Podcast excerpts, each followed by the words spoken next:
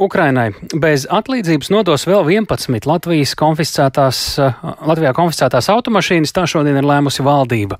Automašīnas vedīs Ukrainas Hersonas pilsētas militārajai pārvaldei, Ukrainas aizsardzības ministrijai, Mikolājevas apgabala, Arbuzīnskas ciema padomē, Ukrainas militārās medicīnas akadēmijai, valsts robežsardzes dienestam. Ukrainai nododamo 11 transporta līdzekļu kopējā provizoriskā tirgus vērtība ir ap 40 tūkstošiem eiro. Šobrīd mēs esam sazinājušies ar valsts ieņēmuma dienesta, finanšu pārvaldes iepirkumu un valstī piekritīgās mantas daļas vadītāju Ināru Solasteju. Labdien! Labdien!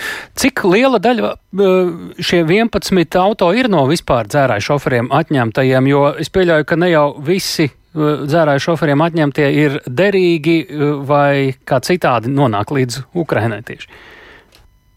Tā kārtība mums ir tāda, ka šos lēmumus, kurus mēs saņemam gan no tiesas, gan no prokuratūras par konfiscētajiem transporta līdzekļiem, mēs tātad izskatām, izpildām un šo sarakstu iesniedzam biedrībai, aģenda, kurai jau ir pieprasījumi no Ukraiņas valsts institūcijām par to, kādi transporta līdzekļi ir nepieciešami Ukrainai.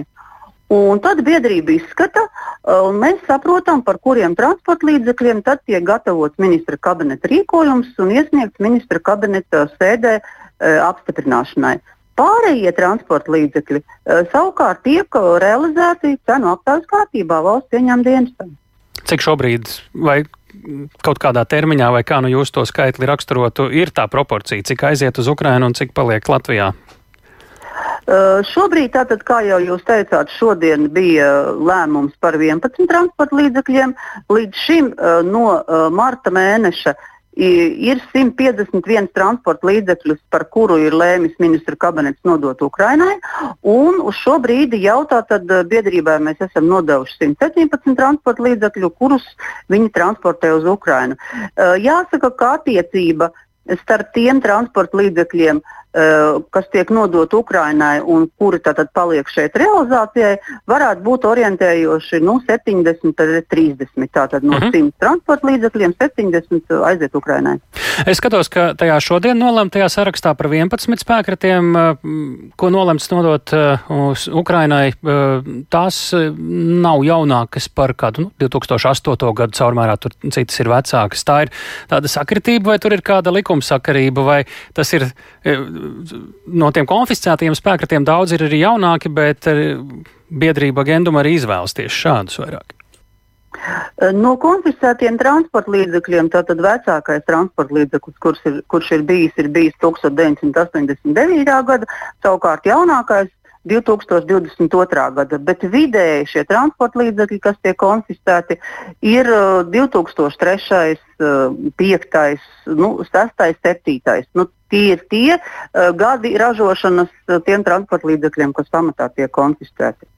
Un Jā. tad jau attiecībā pēc tā, kāds ir šis tehniskais stāvoklis un piemērotība šiem pieprasījumiem no Ukrainas, tad biedrība arī viņus skata un izvērtē. Jā, apskatās pat reāli klātienē Jā, un pasaka, protams. šis ir tas un šis arī brauc uz Ukrainu, ja, ja iespējams. Ja? Un tad arī sanāk, ka nevis valsts, bet biedrība Gendum tad gādā arī par tiem tehniskajiem pielabojumiem, kas ir vajadzīgi, ja tādi ir vajadzīgi pirms braukšanas uz Ukrainu. Tā?